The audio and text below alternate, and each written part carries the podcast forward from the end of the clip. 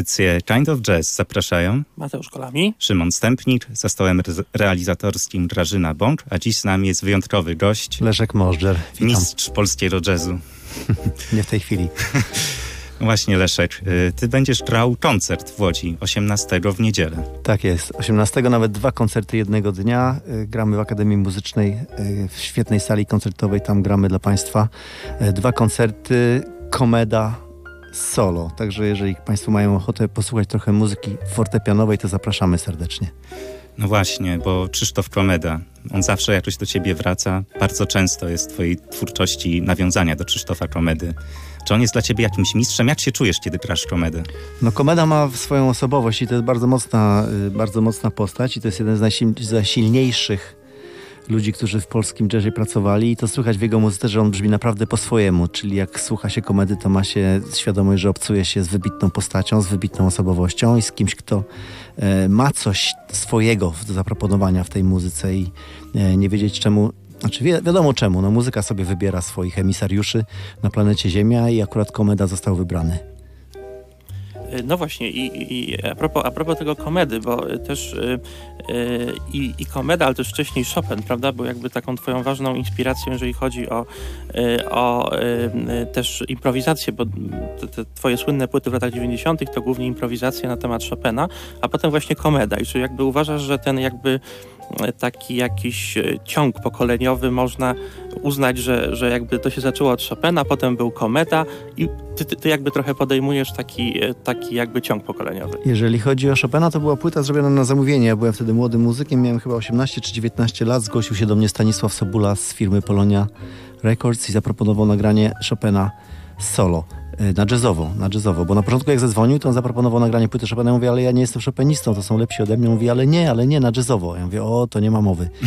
No i na rok e, czasu odłożyłem telefon, ale cały czas mnie to nurtowało i tak naprawdę zacząłem powoli pracować nad tym tematem. Zacząłem zbierać e, mm, jakieś melodie, które nadawałyby się w moim odczuciu do aranżacji jazzowej. No i po roku zadzwoniłem ja z kolei do Stanisława e, Sobuli, bo zorientowałem się, że starsi koledzy już nagrywają płyty, że ukazała się płyta e, Andrzeja Jagodzińskiego, e, chyba Herdzin Krzysztof wydał też płytę. Jeszcze ktoś tam, zaczęły te płyty Chopina biegać, bo Stanisław Sobola zaczął obdzwaniać kolegów starszych i młodszych z, z propozycją. E, I ja po roku dopiero pracy byłem gotowy do nagrania tej płyty i to ja zadzwoniłem wtedy do Staszka i powiedziałem Stanisław, jestem gotowy, możemy nagrywać. Mimo tego, że nie za bardzo wierzyłem w to, że powinno się takie rzeczy robić, dlatego że jestem wykształcony w Akademii Muzycznej, więc oczywiście Chopin to jest pomnik i świętość i nie wolno go ruszać, nie wolno go rozmontowywać, nie wolno w nim nic zmieniać. Ale czułem, że ten pociąg mi odjeżdża, że ta propozycja może się już nie powtórzyć i muszę powiedzieć, że miałem nosa, bo parę lat później, 3 czy 4 lata, dostałem telefon z Paryża y, z firmy Opus 111 y, i druga płyta Chopinowska już była nagrana dla wytwórni francuskiej. To też było podobne zamówienie, że bardzo prosimy panie Leszku, żeby pan zagrał Chopina. Ja mówię, ale ja już nagrałem, ale to może pan zagrać to samo. No i tyle, ile miałem czasu, to wprowadziłem tam chyba dwa czy trzy nowe tematy i w tej chwili mam w dorobku dwie płyty Chopinowskie solo, no i tam jeszcze kilka innych. Mm, no to, to jest wielkie, wielki przełom trzymać w dłoniach płytę ze swoim nazwiskiem na okładce.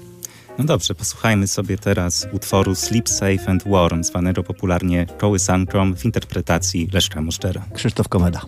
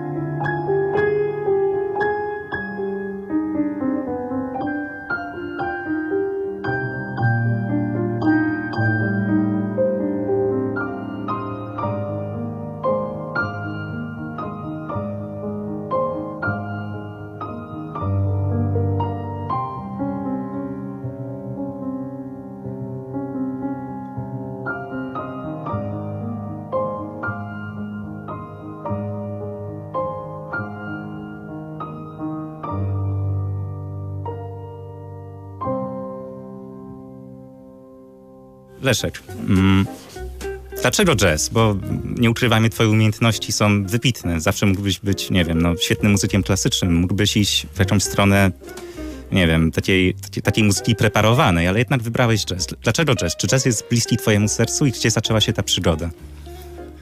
Ja jestem wykształcony klasycznie, czyli, czyli e, godzinami ćwiczyłem repertuar klasyczny, ale wydawało mi się, że e, muzyka poważna, tak zwana, to też takie dziwne słowo poważna, nie wiem, bo Ministerstwo Prawdy podaje dwie opcje. No albo jest rozrywkowa muzyka, że macie coś tam rozerwać, nie wiem dokładnie co ma tam w tobie rozerwać ta muzyka, ale generalnie ludzie mają chodzić tacy rozerwani po ulicy. Albo tak zwana poważna, czyli mają ludzie chodzić na poważnie po ulicy, to chyba nie wiem co jest lepsze. Trudno, trudno w tej chwili powiedzieć, może poważnym jednak lepiej być, chociaż to też takie życie na poważnie to bez sensu. No, y, zorientowałem się, że w szkole uczymy się o martwych kompozytorach i generalnie, no, co by nie mówić, trochę cmentarny miała posmak ta cała wiedza muzyki klasycznej, tak zwanej poważnej. Generalnie uczyliśmy się o kompozytorach nieżyjących. Ja zorientowałem się, że muzyka tętniąca życiem, muzyka prawdziwa, muzyka bieżąca i muzyka taka, z którą przez którą można zobaczyć rzeczywistość tu i teraz i z którą można się skontaktować poprzez żyjących twórców i twórców, którzy mają coś do powiedzenia i odzwierciedlają współczesność, to jest właśnie jazz. I pomyślałem, że jeżeli chcę mówić po swojemu, w swoim języku, no to muszę grać jazz. I postawiłem na jazz. Ale jazz też mnie bardzo zauroczył. Posłuchałem sobie Milesa Davisa, posłuchałem sobie e, Chica Corea i to była taka muzyka, która naprawdę ugodziła mnie w samo serce.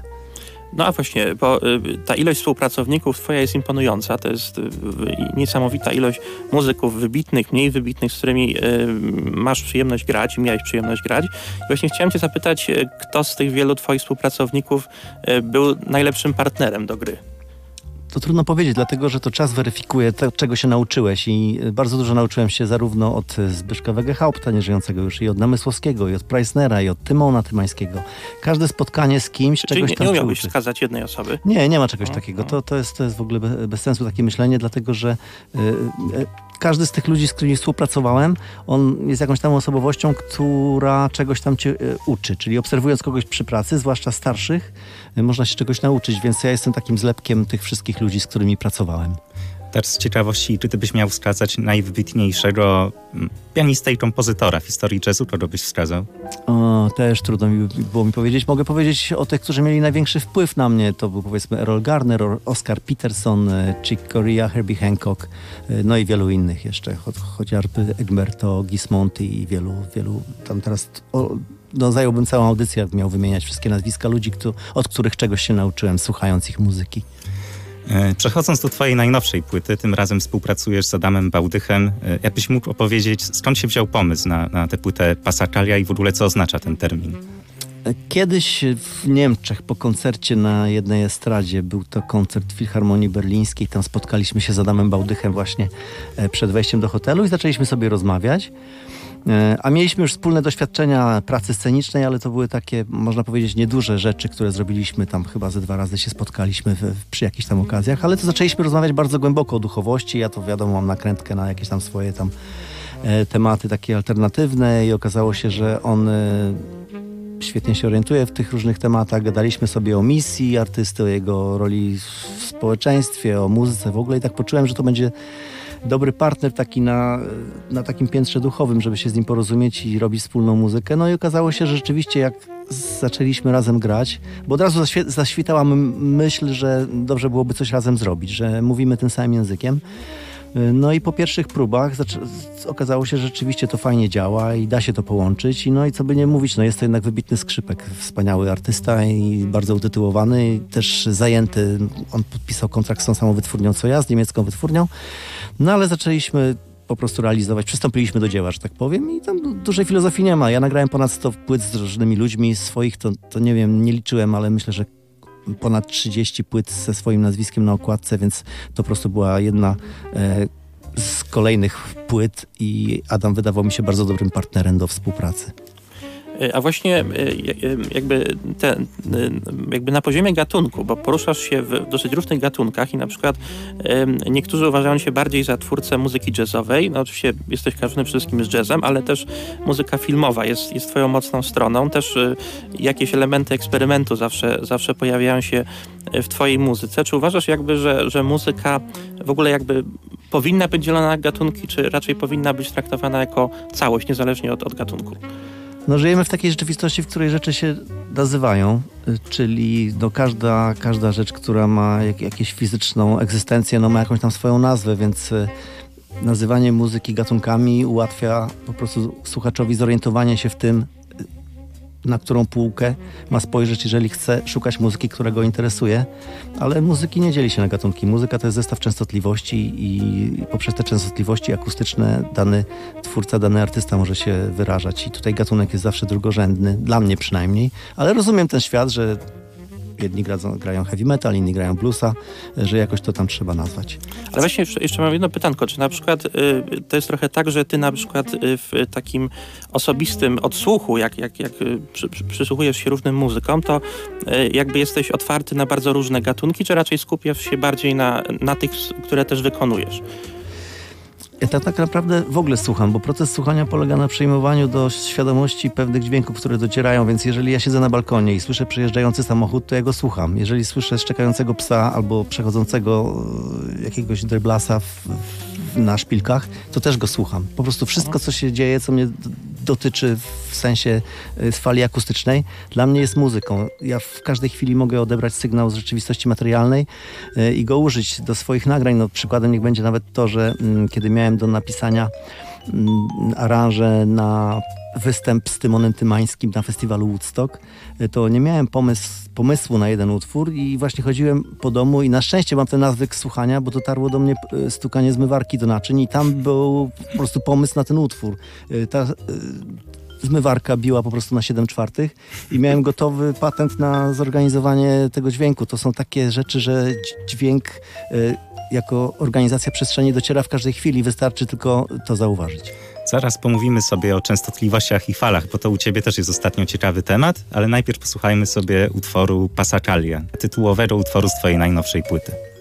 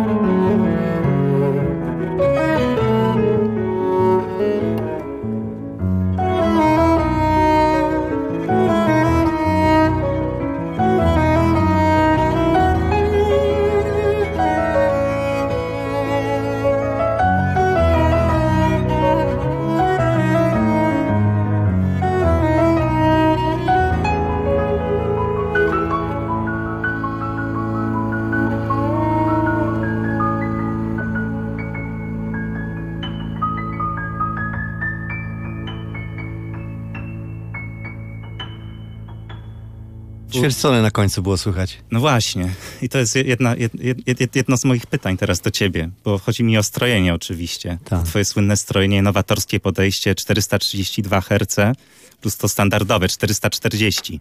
Skąd taki pomysł i skąd twoje uwielbienie do tego strojenia? Może uwielbienie to nie jest dobre słowo. Ja generalnie zawsze miałem poczucie, że muzyka ma potencjał uzdrawiania ludzi, czy regulowania ich wnętrza i trafiłem na taki wątek, że e, strój w częstotliwości 432 ma potencjał właśnie uzdrawiania. No i zainteresowałem się tym tematem i razem z, ze znajomymi fortepianami mistrzami, na szczęście to już byli moi znajomi, bo normalnie jakbym do obcego poszedł, pewnie to by mi kółko na czole narysował. Ale z kolegami dogadaliśmy się, że zbudują mi taki fortepian. To trwało parę lat, bo trzeba było dobrać struny, tam przeliczyć e, naprężenia i tak dalej, także to nie, dopiero chyba trzeci komplet strun zabrzmiał właściwie. No i teraz e, mam taki fortepian w stroju 432, ale któregoś dnia przyznam szczerze, że ten strój 440 on jest dosyć atrakcyjny w tym sensie, że po pierwsze jestem do niego przyzwyczajony, a po drugie on troszeczkę e, pobudza takie warstwy ego mi się wydaje, a ego to jest taka część człowieka, które no, domaga się różnych tam mm, zasług. No i, i mm, pomimo tego, że zrozumiałem, że grając w stroju 432 to jest jakby inne środowisko rezonansowe i to troszeczkę ma inny wpływ na psychikę i inaczej trochę reguluje przestrzeń, e, to czasami tęskniłem za tym strojem 440, znaczy moje ego tęskniło i zorientowałem się, że mogę przecież używać tych dwóch strojów na raz, więc zaproponowałem Adamowi Wałdychowi, żeby wstawić dwa fortepiany do studia, co oczywiście było dużym zabiegiem logistycznym, bo to trzeba było wszystko przywieźć, postawić, nastroić, omikrofonować, podłączyć, znaleźć miejsce na to. Y, jeszcze mieliśmy pianino, także generalnie fortepiany zajęły prawie całe studio. Dla Adama niewiele miejsca zostało pod ścianą. Ale nagraliśmy tę płytę właśnie na dwóch fortepianach i efekt Państwo słyszeli przed chwilą. Adam stroił się standardowo do tej płyty. My jako główny, główny strój to jest też 440, czyli ten taki strój, w którym e, no, wszyscy funkcjonujemy, bo już nie chciałem robić rewolucji Adamowi i przestrajać mu instrumentu, bo też nie wiedziałem, jak się te struny zachowają. Poza tym to też trzeba trochę psychicznie się z tym e, pogodzić, tam wykonać jakąś pracę, żeby się odnaleźć w tym strojeniu. E, więc strój 440 jest strojem bazowym, a strój 432, który jest oddalony od stroju 440 mniej niż ćwierć tonu. Także to jest takie wygięcie tej muzycznej przestrzeni no, nieco mniej niż ćwierć tonu, także to też jest ciekawy zabieg. No i e, tak się umówiliśmy, że po prostu gramy w 440, a w 432 na chwilę wychodzimy jako dobarwienie tej muzyki, która powstaje. Jak się w szkole uczyłem o muzyce, to tam pokazywano nam muzykę nowoczesną, gdzie tam są te, prawda, te półtonu jest jeszcze podzielone na kolejne pół. Czyli w pewnym sensie y, wasza najnowsza płyta to jest taka muzyka nowoczesna. Można powiedzieć, tak. Jest to dosyć nowatorska struktura, ale tradycyjnie brzmiąca, więc y, właściwie to jest idealny układ taki, kiedy rozszerzamy tonalność i modyfikujemy język, ale nie denerwujemy słuchacza. A chciałem cię zapytać o e, taką pracę jakby e, i producencką i związaną z taką działalnością organizatorską, że jakby to zawsze mnie intrygowało, że człowiek wrażliwy, wrażliwy muzyk, który też jakby pewnie może, może tak suponuje, że może mieć pewne problemy z takimi praktycznymi sprawami, organizuje na przykład wielki festiwal Enter, prawda? I właśnie zastanawiam się, jak e, idzie ci łączenie tych rzeczy czysto artystycznych z takimi organizatorskimi. No, kiedy ja się biorę za organizację, to, to jest z reguły katastrofa, więc tak naprawdę festiwal Enter jest organizowany przez całe biuro y, pracujące dla fundacji. Y, to się nazywa Europejskie Forum Sztuki, ta fundacja z Poznania. Jerzy Gumny, który załatwia pieniądze na ten festiwal i cały sekretariat w postaci Agaty Kołacz, Doroty Wink, Jarka Foryckiego, Kasi Janyski. Mm, także tam są ludzie, którzy się na tym znają. No ja się nie będę zabierał za organizację, bo to by się bardzo źle skończyło dla festiwalu. Ja tylko opiniuję i poddaję pod rozwagę, czy pod y, ten, y, pod jakby to powiedzieć, pod te obcęgi negocjacyjne dane nazwiska, bo jeżeli wiadomo, dzwoni się do artysty, on jest za drogi albo nie może w danym terminie, no to muszę zaproponować kogoś innego jako dyrektor artystyczny. I na tym to polega. I oczywiście firmuję cały festiwal swoją twarzą, e, żeby to na plakacie jakoś tam lepiej wyglądało, w tym sensie, że ludzie kojarzą, więc e, no to jest taka, taka praca, taka misja, że jednak tą twarz się udostępnia po to, żeby impreza lepiej szła. No, ale mimo wszystko udało ci się doprowadzić do spotkania i wspólnego grania koncertu razem z Janem Ptaszynem Wróblewskim. A tak, tak, tak, tak. No trochę pozazdrościłem kolegom, bo zorientowałem się, że młodsi koledzy zagrali z Ptaszynem, a ja nigdy. A to jest jedna z najsilniejszych osobowości, historyczna postać i zamarzyłem sobie, to było takie moje marzenie, żeby jednak spotkać się z Ptaszynem. E, No i wiadomo, że tych mu- muzyków już, już, już sporo odeszło. Jan Ptaszyn Wróblewski jako jedna z, zdecydowanie jest jedna z największych osobowości. Nawet nie mówię tutaj o graniu, chociaż to jest wybitny saksofonista, ale też e, jego osobowość, jego barwa głosu, jego postrzeganie rzeczywistości, jego język, to wszystko to jest coś, z czym bardzo chciałem mieć coś wspólnego. A słuchasz trzech kwadransów jazzu pewnie No wiadomo, czasami. od 50 lat ta audycja leci i zdarza mi się słuchać Ptaszyna i Ptaszyn zawsze w formie. Mówili, że y, w sumie, i zresztą y, tak też doczytałem, y, wydałeś y, 100 płyt, około 100 płyt. I właśnie zastanawiam się nad y, takim problemem jakby pracowitości y, w twojej branży. Czy to jest tak, że po prostu y, można sobie pozwolić na więcej, y, trochę luzu i takiego, takiej przestrzeni jakby na relaks, odpoczynek, czy jednak jak się jest y, tak wybitną postacią i też dużo koncertuje, to po prostu y, ta pracowitość jest y, wymagana i, i, nie można nic z tym zrobić. Ja miałem takie predyspozycje, żeby dużo nagrywać. Po pierwsze, byłem bardzo pracowity w tym sensie, że mm, to się wzięło wszystko z bierzmowania, bo podczas sakramentu bierzmowania e, tam było ślubowanie takie, że nie będziesz pić i palić. No i ja tam któregoś dnia, jeszcze przed skończeniem, tam było ślubowanie, że do 18 roku życia nie będziesz, nie będę pił alkoholu. No niestety złamałem to tam chyba raz czy dwa. No i pomyślałem, że jak mam być fair wobec Boga, no to nie będę się wygłupiał i w wieku lat 22 odnowiłem sobie to, to, to, to ślubowanie już tak wewnętrznie i między 22 a 28 rokiem życia nie piłem w ogóle, nie piłem alkoholu kompletnie, bo chciałem się wywiązać 10 lat później e, z tego, z tego samego jakby danego słowa, żeby być uczciwym. No i to chyba zaprocentowało tym, że po prostu miałem jakieś nadwyżki energii. Pomijam jakieś takie e, ambicjonalne kwestie, że ja bardzo chciałem e, grać dużo, ale byłem po prostu pracowity i trzeźwy, punktualny, uśmiechałem się mm, i to powodowało, i oczywiście niedrogi też. E, Więc y, ludzie mnie po prostu wynajmowali, brali mnie do nagrań, e, dobrze robiłem swoją robotę i tak nagle się okazało, że w wieku lat 52 e, ten taki najbardziej twórczy, najbardziej pracowity e, okres, kiedy system mnie ciągnął do góry, bo wiadomo, że w pewnym momencie system cię zasysa i ciągnie do góry, jeżeli się nadajesz do tego, czyli jeżeli jesteś punktualny e, i kumaty, no to system jakby cię zasysa i potrzebuje twojej pracy i tak też było ze mną. No a później już sam e, w sobie miałem takie wewnętrzne, wewnętrzną potrzebę, żeby da, dalej nagrywać i w tej chwili mam tych płyt dużo na koncie, ale głównie dlatego, że byłem trzeźwy i, i po prostu byłem partnerem, na którym można polegać i tyle. Ale na przykład, y, jeżeli y, myślisz jakby o takim bilansie y, swojego jakby czasu wolnego versus czas pracy, to uważasz, że tego czasu wolnego ci brakuje, czy nie? Ja nie wiem, co to jest czas wolny tak naprawdę. Nie za bardzo, nie za bardzo wiem, który to jest ten czas, bo e, ja uprawiam nieustanną samoobserwację i w, kiedy uprawiam samoobserwację, to, to właściwie każdy czas można nazwać wolnym albo nie. No czasami są, ale nawet w tym czasie tak zwanym wolnym też są pewne rzeczy, od których nie uciekniesz. Trzeba zrobić pranie, trzeba zrobić mnóstwo rzeczy, pójść na pocztę i tak dalej, i tak dalej, więc trudno nazwać czas wolny czasem wolnym. No po prostu robi się to, co akurat jest do zrobienia i tyle. Wracamy do muzyki. Przed Państwem utwór Jadzia z płyty Passacaglia.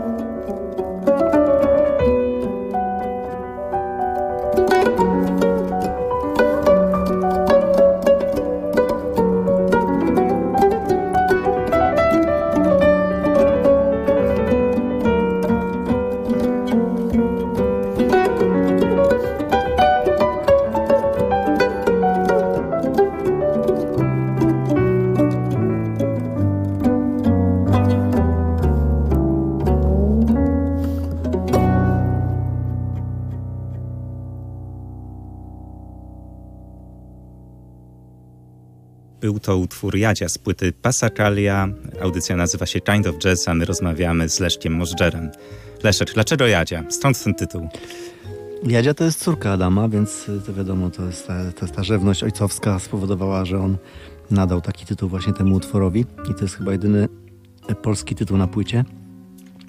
Adam Bałdych y, tak nazwał ten utwór, ale ja muszę powiedzieć, że na, nadawanie tytułów y, utworom to jest dosyć duża udręka i to jest naprawdę to jest jeden, dla mnie to jest dosyć trudny proces y, kompozycji, a wiem z doświadczenia, że lepiej, im wcześniej się nada ten y, tytuł, tym lepiej, dlatego że tytuły robocze, bo wiadomo, że jak się nagrywa płytę, to później jak te foldery się nazywają na fazie wstępnej w określony sposób, a później, kiedy już na okładce się nazywają inaczej, to później jest straszny bałagan, nie można się połapać, gdzie który utwór jest w którym folderze na komputerze, y, także trzeba się decydować szybko i na temat. Mm, no i tam mam różne metodologie dobierania utworów generalnie, albo to po łacinie wpisuję gdzieś tam do translatora, albo po angielsku słucham, jak, szukam jakieś trudne słowa. Chyba, że akurat mam rzeczywiście jakiś pomysł na utwór, na tytuł, ale to się rzadko zdarza. Jednak zawsze muzyka jako język abstrakcyjny jest pierwsza, a tytuł przychodzi drugi i to jest spory problem, dla mnie przynajmniej. No właśnie chciałem podjąć ten wątek, bo, bo to jest dla mnie zawsze w jazzie bardzo intrygujące. Właśnie tytuły i na przykład y, zgodność tytułów powiedzmy z tym, co ja subiektywnie odczuwam, jak, jak słucham y, różnych i, i, też twoich utworów i zastanawiam się po prostu, czy, y, czy uważasz, że może muzyka jazzowa jest na tyle abstrakcyjnym tworzywem, że może to nadawanie tytułów jest takie jakby niepotrzebne i można by na przykład, nie wiem, numerować utwory? Właściwie trzeba by numerować, tylko tam jest jeszcze zagadnienie takich tam praw autorskich y, i generalnie to na płycie trochę dziwnie wygląda.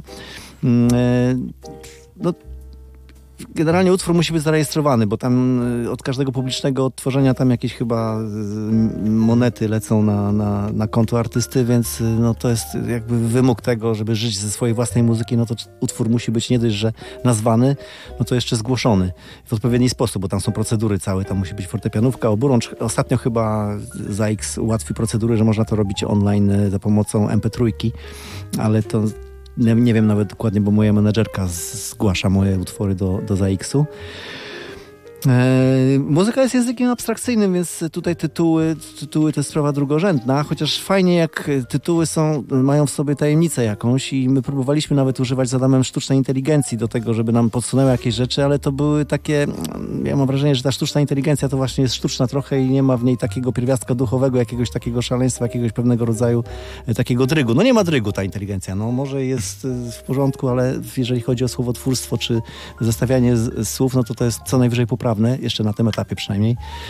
A mm, ja mam taką metodę, że wpisuję sobie na przykład jakieś słowo, które mnie interesuje, na przykład czeluść, prawda? I na przykład y, tłumaczę sobie na angielski i tam później jak się kliknie, to są takie odnośniki, że jeszcze są słowa pokrewne. No i czasami e, na przykład tak znalazłem na przykład taki tytuł Circumscriptions, który nie wiadomo co znaczy, ale super wygląda na płycie, prawda?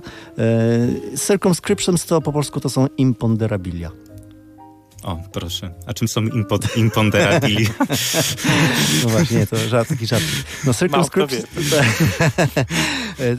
Imponderabilia tak naprawdę to są, to jest ta część rzeczywistości, czy, czy zjawisk, czy wydarzeń, które nie do końca da się zdefiniować, czyli coś, co towarzyszy danemu zjawisku jest nieodłączną jego częścią, natomiast nie jest do końca definiowalne. I circumscriptions to są, to jest otoczenie danego zjawiska, czyli jakby pewnego rodzaju przestrzeń, w której ono się odbywa.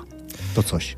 No dobrze, ale czasami mam wrażenie, że tytuły, a przynajmniej nazwy twoich płyt, mają jednak znaczenie i bezpośrednio wpływają na dźwięki, które wydajesz. I mam tu na myśli Talk to Jesus, a, która tak. jest chyba bardzo taka uduchowiona. Myślę, że nie przez przypadek nazwałeś tę płytę w ten sposób. No oczywiście. Nie, to, był, to było rzeczywiście... To, tą akurat płytę nagrywałem trzy razy i dopiero za trzecim razem mi się udają, udało ją nagrać. Najpierw nagrywaliśmy ją w, w radiu we Wrocławiu, później w Polskim Radiu w Warszawie i dopiero na, gdzieś tam, nie pamiętam, chyba w Szczecinie została nagrana ta płyta Dr. Jesus w swojej ostatecznej wersji, a nie w S4 w Warszawie.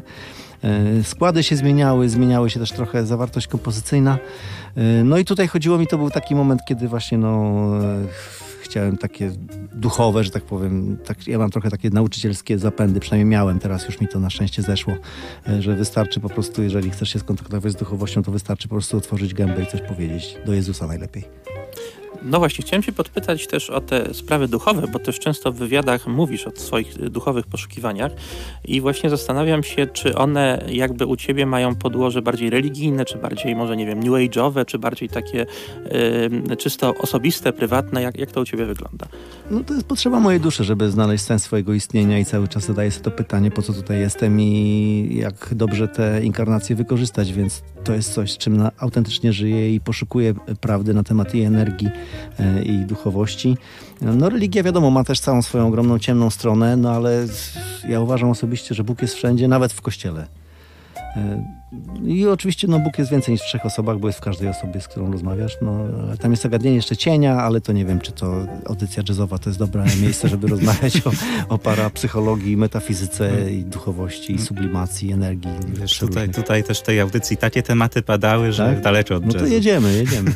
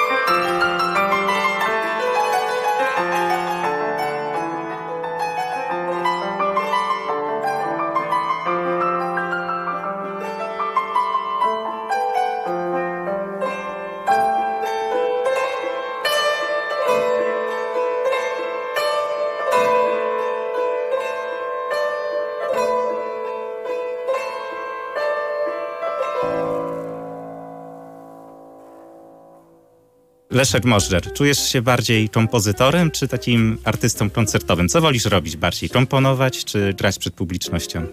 To jest trochę inny rodzaj wydatkowania energii, jeżeli chodzi o kompozycję, bo kompozycja i improwizacja to jest to samo. Proces kompozycji to jest zapisywanie swojej improwizacji i, i modyfikowanie jej tak długo, dopóki nie uznasz, że jest już gotowa do publicznego wykonania. To jest kompozycja. To jest tak naprawdę zapisana improwizacja. Natomiast improwizacja to jest już proces kompozycji odbywający się na żywo w danym momencie, czy na scenie, czy w studio. Improwizujesz, czyli podejmujesz na szybko decyzję, co zagrać i tutaj oczywiście dobrze wytrenowane, wytresowane wręcz ciało jest bardzo przydatne, żeby podążało za wyobraźnią. Y, A chciałem się podpytać o publiczność, bo koncertujesz na, na całym świecie, nie tylko w Polsce. I czy mógłbyś wskazać, czy, czy właśnie nie mógłbyś, y, jaki kraj, czy publiczność, nie wiem, z jakiego miasta, z jakiego kraju y, najlepiej reaguje na twoją muzykę, albo najlepiej czujesz się w jakim, w jakim miejscu, gdzie, gdzie grałeś? Z mojego doświadczenia wynika, że na całym świecie publiczność jest podobna. Tak naprawdę mm, są pewne e, cechy gościa, który wychodzi na scenę, które są po prostu obiektywnie rzecz biorąc interesujące. Główny z nich to jest oczywiście opanowanie instrumentu, czyli ilość godzin spędzonych z instrumentem, ale też ilość muzyki przegranej w wyobraźni, bo bardzo dużo swojej własnej muzyki ja wyćwiczyłem w wyobraźni, wcale nie siedząc e, przy instrumencie. E, No i druga rzecz to jest ten taki niewerbalny przekaz, który mm, płynie, bo kiedy podłączasz się pod jakieś tam pola energoinformacyjne, no to przekazujesz siłą rzeczy te dane niewerbalne, nielinearne, można powiedzieć, do publiczności i publiczność ich chłonie. E, Publiczność je chłonie, te dane. No i o to chodzi, żeby mieć jak najlepsze dane, czyli mieć podłączenia do jak najwartościowszych, jak najlepszych pól. No a to już jest praca nad sobą, samoobserwacja, gromadzenie też e, danych intelektualnych e, wysokiej jakości, nie? czyli to wszystko, co czytasz, co oglądasz, co cię interesuje, albo przynajmniej, jeżeli oglądasz byle co, no to przynajmniej z jaką intencją i co chcesz w tym znaleźć. Ale na przykład nie miałeś takiego doświadczenia, że grałeś na przykład w jakimś mieście i atmosfera tego miejsca czy miasta była tak przyjemna dla ciebie, że ten koncert na przykład o wiele lepiej szedł niż w innym miejscu? No czasami jak koncert idzie za dobrze, to, to potem jak się posłucha, to jest tragedia. Ja najlepsze koncerty, które zagrałem, to zagrałem wtedy, kiedy byłem w, w kiepskim stanie psychicznym albo z bolącym kręgosłupem. Bo jest jeszcze coś takiego jak ego, które chce się przyozdobić w tą całą muzykę, którą akurat na scenie wykonujesz. I z mojego doświadczenia wynika, że samopoczucie artysty, jak jest zbyt dobrze, y, to no niestety źle to wpływa na wykonywaną muzykę, no bo wtedy zaczynasz występować, że tak powiem, i popisywać się, a najlepiej grać to w pokorze, tak, czyli jak na przykład jest y, bolący kręgosłup albo problemy osobiste, to mm, no, ten przekaz jest wręcz nawet mocniejszy, bym powiedział. A powiedz nam proszę, jak przebiega u ciebie ten proces improwizacji? W sensie, zawsze się zastanawiałem, czy to jest tak, że muzyk jazzowy ma jakieś wyuczone partie, które potem układa jak w jakiejś układance? Czy tak bardziej idziesz na kompletny żywioł i nie wiesz, jaka będzie następna nuta? To jest i tak, i tak naraz. To znaczy, im dłużej się uprawia e, zawód improwizatora, e, tym więcej ma się danych, doświadczeń i te wszystkie dane składowane są w psychice i one się pakują w takie pliki zip. Także z powodu, z, z, poziomu myślenia ja nie mam dostępu już do tych takich y, fragmentów fraz czy całych następstw nut, które moja dłoń wykonuje. Ja po prostu czasami wysyłam sygnał tylko z mózgu do ręki i ona już wie, co ma zrobić. Więc to są rzeczy, które z biegiem lat przestają mm, być intelektualnie zrozumiałe dla wykonawcy. To jest pewien proces, który już przestaje być intelektualny. Oczywiście to wymaga wielu lat praktyki i pracy, ale później to się zapisuje w ciele i ciało posłusznie wykonuje zadania. Ja sam czasami jestem zdziwiony, że coś takiego zagrałem.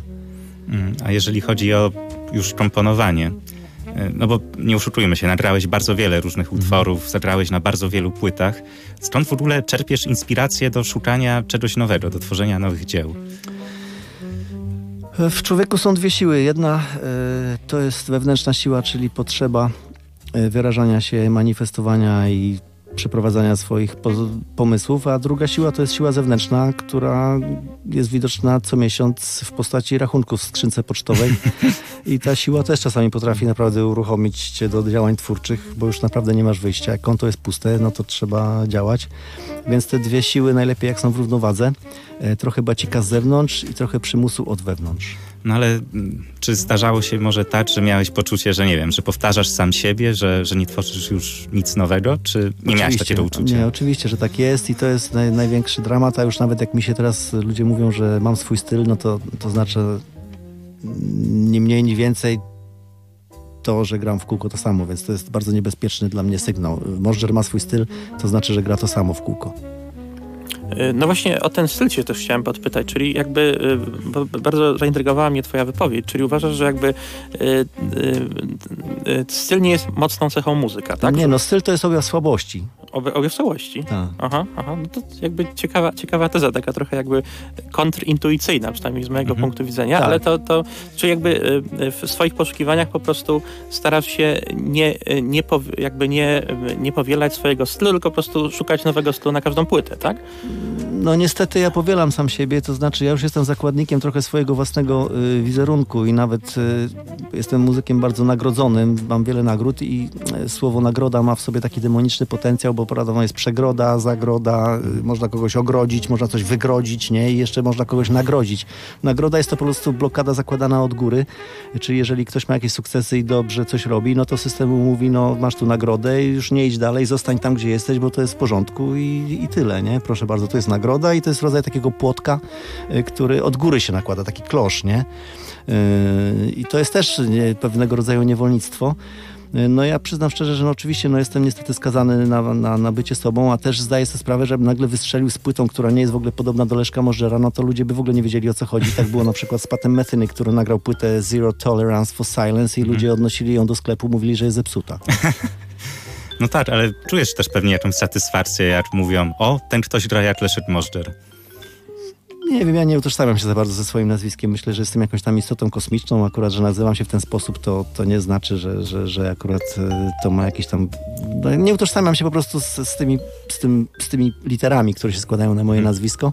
Ale no, czasami cieszę się, że, że, że młodsi się inspirują. Ja uważam, że jadę w peletonie i czy tam raczej biegnę w jakimś tam, mm, jak to się nazywa, to podawanie połeczki, nie? E, Jest taka, taki sport. Sztafeta. Sztafeta, no i po prostu przekazuję młodszym normalnie. Ja dostałem od kogoś starszego, ktoś tam młodszy ode mnie dostaje informacje, jak to się robi i to wszystko biegnie dalej. Ja uważam, że muzyka jest jednym z najpiękniejszych języków, bo nie da się w niej kłamać, w tym sensie, że jeżeli coś zagrasz, to po prostu to zagrasz, a jest to język abstrakcyjny, nie da się tam ani okłamać, ani kogoś e, obrazić, więc jest to bardzo bezpieczny sposób wyrażania się, bardzo piękny.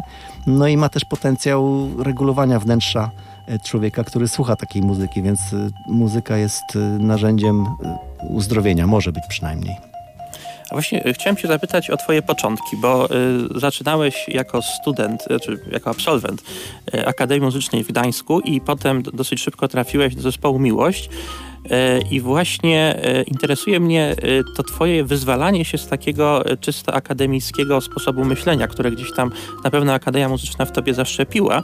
I właśnie interesuje mnie ten proces. Czy uważasz, że to jest jakby proces, który w ogóle jest można zakończyć, czy to jest proces, który ciągle się gdzieś tam e, za tobą ciągnie jakby, czy, czy uważasz jakby, że przekroczyłeś zupełnie ten świat Akademii Muzycznej, a może w ogóle ten świat, nie chcia, tego świata nie chciałbyś do końca przekraczać i chciałbyś też e, trochę być muzykiem klasycznym. No ja trochę jestem muzykiem klasycznym, dlatego że mam cały czas zamówienia wykonywania muzyki klasycznej. Ja akurat sobie chwalę szkołę y, klasyczną, tą Akademię Muzyczną, którą skończyłem. Uważam, że dostałem tam bardzo dużo y, rzeczowych, fajnych, pożytecznych informacji. Nie wszystkie z nich używam. Y, Bardzo dużo wiadomo, że tam jest takiego planktonu, który po prostu trzeba przerobić, żeby dostać zaliczenie.